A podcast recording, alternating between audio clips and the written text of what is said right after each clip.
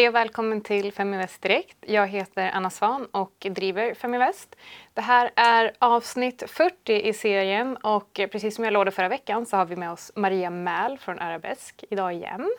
Tack för att jag fick komma hit. Idag igen. Idag igen. Vi ska faktiskt diskutera, vi ska fortsätta där vi slutade men vi ska göra en liten recap och eh, om ni undrar vad det är som syns i bakgrunden så är det en liten film om arabesks verktyg S-Ray som vi också ska prata lite mer om. Och jag kommer också lägga en eh, länk till den riktiga filmen och vi ska visa en till film lite senare. Och för er som lyssnar så finns det också beskrivet eh, med röst vad det är som försiggår i filmen så det går lika bra. Men då ska vi se här. Eh, förra veckan pratade vi ganska mycket om hur viktigt det är att inkludera hållbarhetsanalys i en finansiell analys och att det snarare bör ses som extra finansiell data än eh, något annat. Och eh, för de som missade det avsnittet, vill du berätta lite kort vad det var vi pratade om då och vad, vad vi menar med att hållbarhet borde ses som extrafinansiell data? Absolut. Förra gången så pratade vi mycket om hållbara investeringar och vad är, vad är hållbarhet och varför hållbarhet? För hållbarhet har ju blivit lite av ett, av ett buzzword och många pratar ju om det. Så, så vad betyder det egentligen och är det någonting som vi ska ska använda. Och det som är intressant nu idag är att vi har jobbat med hållbara investeringar och med vi säger då i, här i Sverige i ungefär 20 år. Men det är först på senare år som vi har data som faktiskt bevisar att bolag som presterar bättre på de hållbarhetsparametrar som är rele relevanta för deras kärnaffär har också bättre eh, riskjusterad, kan få bättre riskjusterad avkastning. Och då kommer man ju tillbaka till det här, ja men vilka är de här parametrarna då som är hållbarhetsparametrar? Är alla parametrar inom det som vi kallar för hållbarhet eh, viktiga? Och det var det som vi pratade om förra gången och jag tror att det är väl värt att nämna igen att ofta när, det, när vi tittar på hållbarhetsparametrar så tittar vi på det som kallas för ESG, ESG-data, ESG-kriterier.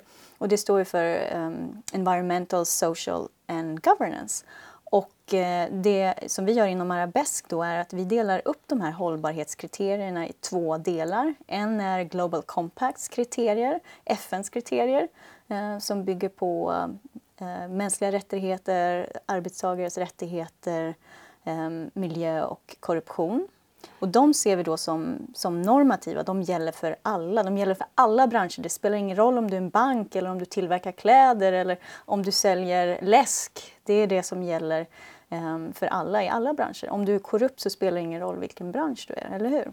Exakt. Men materialitetsdelen då, är ju lite annorlunda. Då tittar man på de parametrar som är relevanta för den här industrin för, och det som är relevant för kärnaffären. Och det låter ju ganska, ganska rimligt. Du kan inte jämföra eh, energiåtgång hos en bank med ett tillverkningsföretag för per definition kommer tillverkningsföretaget ha en lite högre eh, energiförbrukning. Det betyder inte att de är sämre på det utan det måste man då titta på, på den branschen och också inte bara jämföra branschvis eller jämföra inom den branschen men också vilka parametrar är det som är viktigt. Och jag var lite provokativ förra veckan när jag sa att när du gör en hållbarhetsanalys så ska det vara precis lika sofistikerad som när du gör en finansiell eller teknisk analys. Och jag, jag står kvar vid den och eh, jag tycker att det är viktigt att vi tittar på vad menar vi med hållbarhetsdata?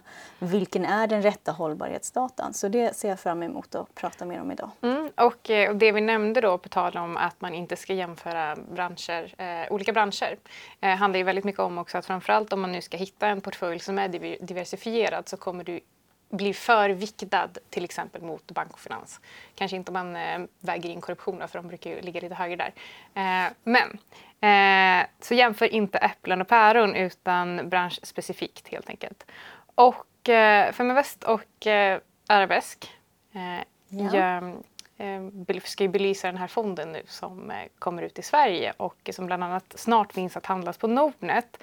Och eh, den heter Arabesk Systematic och den har i genomsnitt presterat 2% över sitt jämförelseindex. Och även om den här fonden skulle kunna ses som en hållbarhetsfond så är det alltså inte så att det är ett ESG-index som den mäts mot utan den jämförs mot andra allokeringsfonder, globala allokeringsfonder har presterat 2% över det i genomsnitt. Så det är eh, jätteroligt. Och, mm. eh, jag får bara avbryta det lite för nu börjar jag bli varm i kläderna när det är min andra gång här. Men jag tror att det är lite det som vi försöker visa med, med Arabesks hela vision här är att om du integrerar hållbarhetsdata så, får du, så, så kan du jämföra dig med, med andra typer av investerare som inte gör det. Att du kanske till och med kan få eh, bättre riskjusterad avkastning. Och eh, våra senaste årens resultat visar just på det, så vi är väldigt glada för det. Mm. Och eh, vi ska visa en liten film som eh, och som går jättebra att eh, lyssna på också för er som lyssnar på podden.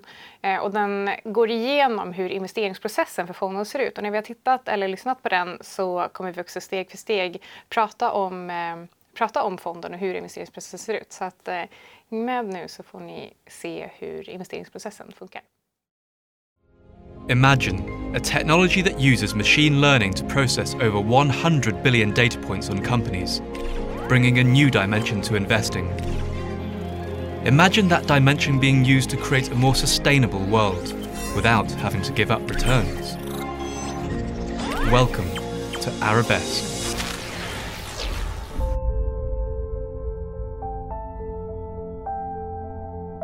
Our journey starts with an investment universe of every listed stock across the world. Through the technology of S-Ray, we are able to look deep beyond the surface of each company and analyze its corporate DNA. By understanding more about each company through its non financial data, we can assess its consideration of all stakeholders and its value to society. Using the power of big data, S-Ray systematically combines over 200 ESG metrics with analysis from over 50,000 news sources across 15 languages. The daily snapshot of each company's sustainability performance is viewed in three unique ways. Arabesque S-Ray systematically assesses each company based on the normative principles of the United Nations Global Compact and excludes those which underperform on any of our 200 ESG factors. Companies with excessive involvement in certain business activities are also excluded, with investors given the choice to apply their own preferences filters. Through S-Ray, we construct and monitor the Arabesque investment universe, a portfolio of global, sustainable equities we then use fundamental analysis, calculating three scores based on financial data. We apply G score, identifying companies that show continued growth and increased earnings. We apply F score, identifying companies that demonstrate strong balance sheets and cash flows. We apply our unique earnings pressure to anticipate potential surprises. This is Prime, our smart beta strategy of approximately 300 stocks from the Arabesque investment universe, rebalanced quarterly and comprised of sustainable companies with stable cash flows and strong growth prospects. A sophisticated portfolio optimization is then applied to select equities with the strongest momentum, identifying the best combination of stocks from the Arabesque investment universe. Our built-in risk management system allocates daily between cash and equity to reduce the volatility and drawdowns in the portfolio. This is systematic, the best 100 stocks that have passed the unbiased selection process of our ESG, fundamental, and quantitative investment technology. A suite of products for those who want to combine sustainability with performance we have learned to use the power of finance to create a sustainable future. We are Arabesque. Och det här är jättespännande för att ni tittar på alla 77 000 listade bolag men det sållas ner till sen ett investeringsuniversum på 8 000. Och eh, hur kommer det sig? Precis, så först börjar vi med parametrar för likviditet och för omsättning på aktien. Och sen så börjar vi med en, eh, med en hållbarhetsanalys. Och jag brukar göra jämförelsen med när du lagar mat. Ehm, det blir ingen bra måltid om du inte har bra råvaror. Så dina råvaror är ju bolagen, eller hur? Och eh, då kan du börja med att titta på, välja ut de bästa, bästa bolagen, bästa kvaliteten på på bolagen från ett eh, hållbarhetsperspektiv som vi väljer att göra. Och då använder vi S-ray som vi pratade om tidigare och tittar på bolagen ur ett, eh, FNs eh, Global Compact, hur man presterar på mänskliga rättigheter, arbetsliga rättigheter, korruption och miljö och eh, väljer ut de som, de som inte presterar väl på det så faller de ifrån. Och sen nästa steg då tittar vi också på eh, materialitet som vi pratade om tidigare. Inom bolagets bransch så gör man en bedömning för om de presterar bra på, på det som är materiellt för kärnaffären. Så det är då då S-ray eh, som gör den screeningen. Och det är den första delen, att vi har hittat de här bra ingredienserna för att gå vidare och skapa eh, Eh, skapa portföljen emot. Och det skiljer sig lite från en del andra bolag som ibland använder exkludering, eh, både antingen i början eller i slutet av eh, processen. Men vi börjar med eh, hållbarhet och tittar på hur bolagen presterar på en skala från 0 till 100. Och efter det då så fortsätter vi med en, en fundamental analys. Eh, återigen, precis som inom, eh, inom S-ray så är det kvantitativt. Alltså när det gäller S-ray, om vi tar ett litet steg tillbaka, så skrapar vi nätet på Eh, på information, på big data, på, genom machine learning och tittar på 50 000 källor på 15 olika språk och ser vad, vad, vad som sägs om bolagen där ute. Och sen när vi går till den fundamentala analysen så är det fortfarande de kvantitativa eh, momenten där som vi, eh, som vi har automatiserat, återigen då genom eh, självlärande algoritmer.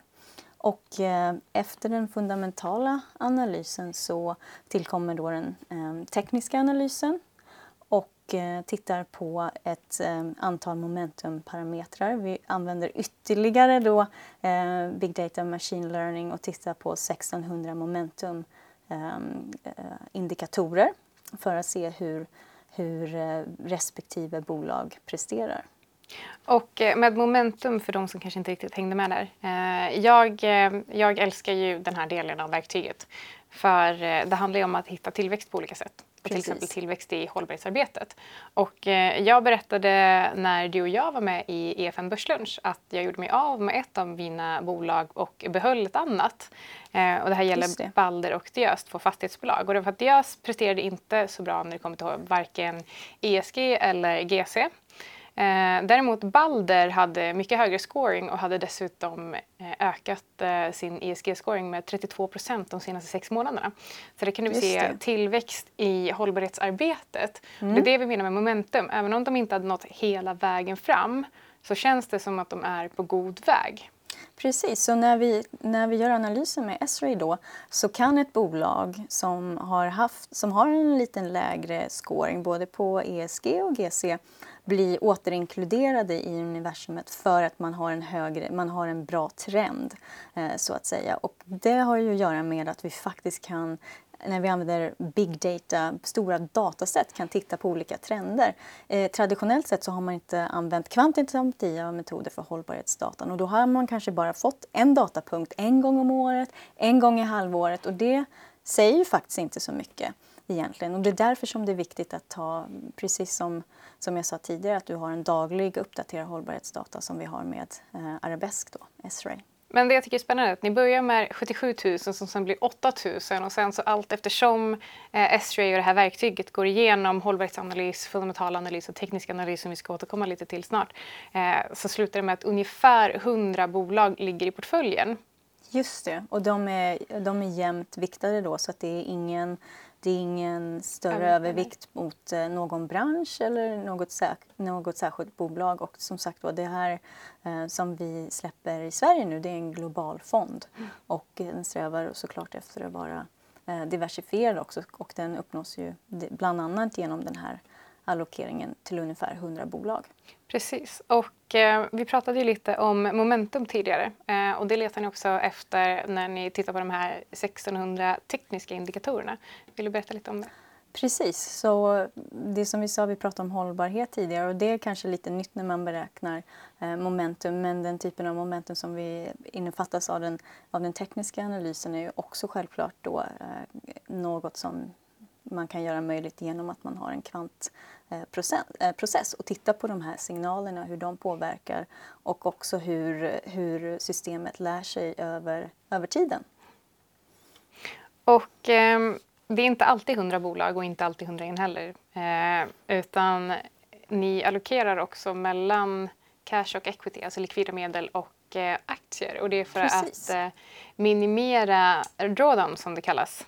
Ja, Precis. Och eh, det här har vi utvecklat för att om du har en marknad som just nu är den på väg uppåt men det, ibland så går den ner, ibland så går den upp och ibland så är det eh, höga kast och hög volatilitet och så vidare.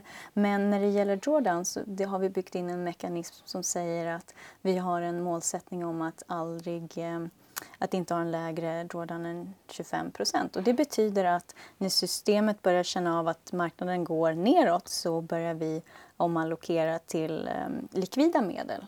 Vilket då gör att du, du säkrar upp del, den delen av kapitalet som sätts i likvida medel. Och när, då, eh, när, då, när det vänder upp igen Eh, så kan du, har du då eh, likvida medel som du kan investera i de här. Eller om du vill omallokera dem för att det här är mm. inte bara på marknaden, det blir ju per bolag eh, också då mm. som du kan omallokera kapitalet via. Och eh, med den här strategin så har ni målsättning om att eh, inte ha en drawdown på mer än 25 procent, eller hur? Precis, och det här gör ju att du får en risk, eh, risk, ett riskmanagement tool som är inbyggt direkt i, i produkten. Men hur, hur ska vi sammanfatta det här? Absolut, jag tror att vi, vi börjar med att säga att Tittar du på rätt hållbarhetsparametrar för rätt, eh, rätt bransch så kan det leda till bättre riskjusterad avkastning. Och eh, i Arabesk eh, Systematic Fond då, så precis som när du lagar mat så köper du dina råvaror först. I det här fallet eh, är det bolagen som du väljer ut först och sen, sen så har du ditt recept och receptet här är ju är din investeringsstrategi. Så vi börjar först med en, en hållbarhetsanalys och tittar på ESG och Global Compact och då filtrerar ett antal bolag bort från det, fortsätter med en fundamental eh, analys och sedan en teknisk analys. Och allt det här, i alla de här tre stegen så görs det genom kvantitativa eh, processer med big data och eh, machine learning. Mm, spännande. Och eh, vi kommer få se en hel del mer av Arabesk för att ni ska till exempel vara med på vår hållbarhetsturné som ja, vi har den 6-8 mars. Det ska bli roligt.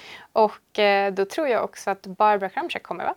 Ja, och vi vill ju ha många frågor på det här nu Exakt. så vi får en bra diskussion om vad som, vad som är hållbarhet och vad är en hållbar investering och hur kan vi skapa bättre, bättre sätt att mäta och jämföra eh, bolag. För att vi har ju hört mycket om att ja, men det här är trend och det är en buzzword. Men, men nu när vi ser att avkastning finns där så, så är det en trend som är här för att stanna och då gäller det att vi som, som investerare och som sparare också blir bättre på att eh, faktiskt tillgodogöra oss den här informationen för att kunna ta bättre beslut.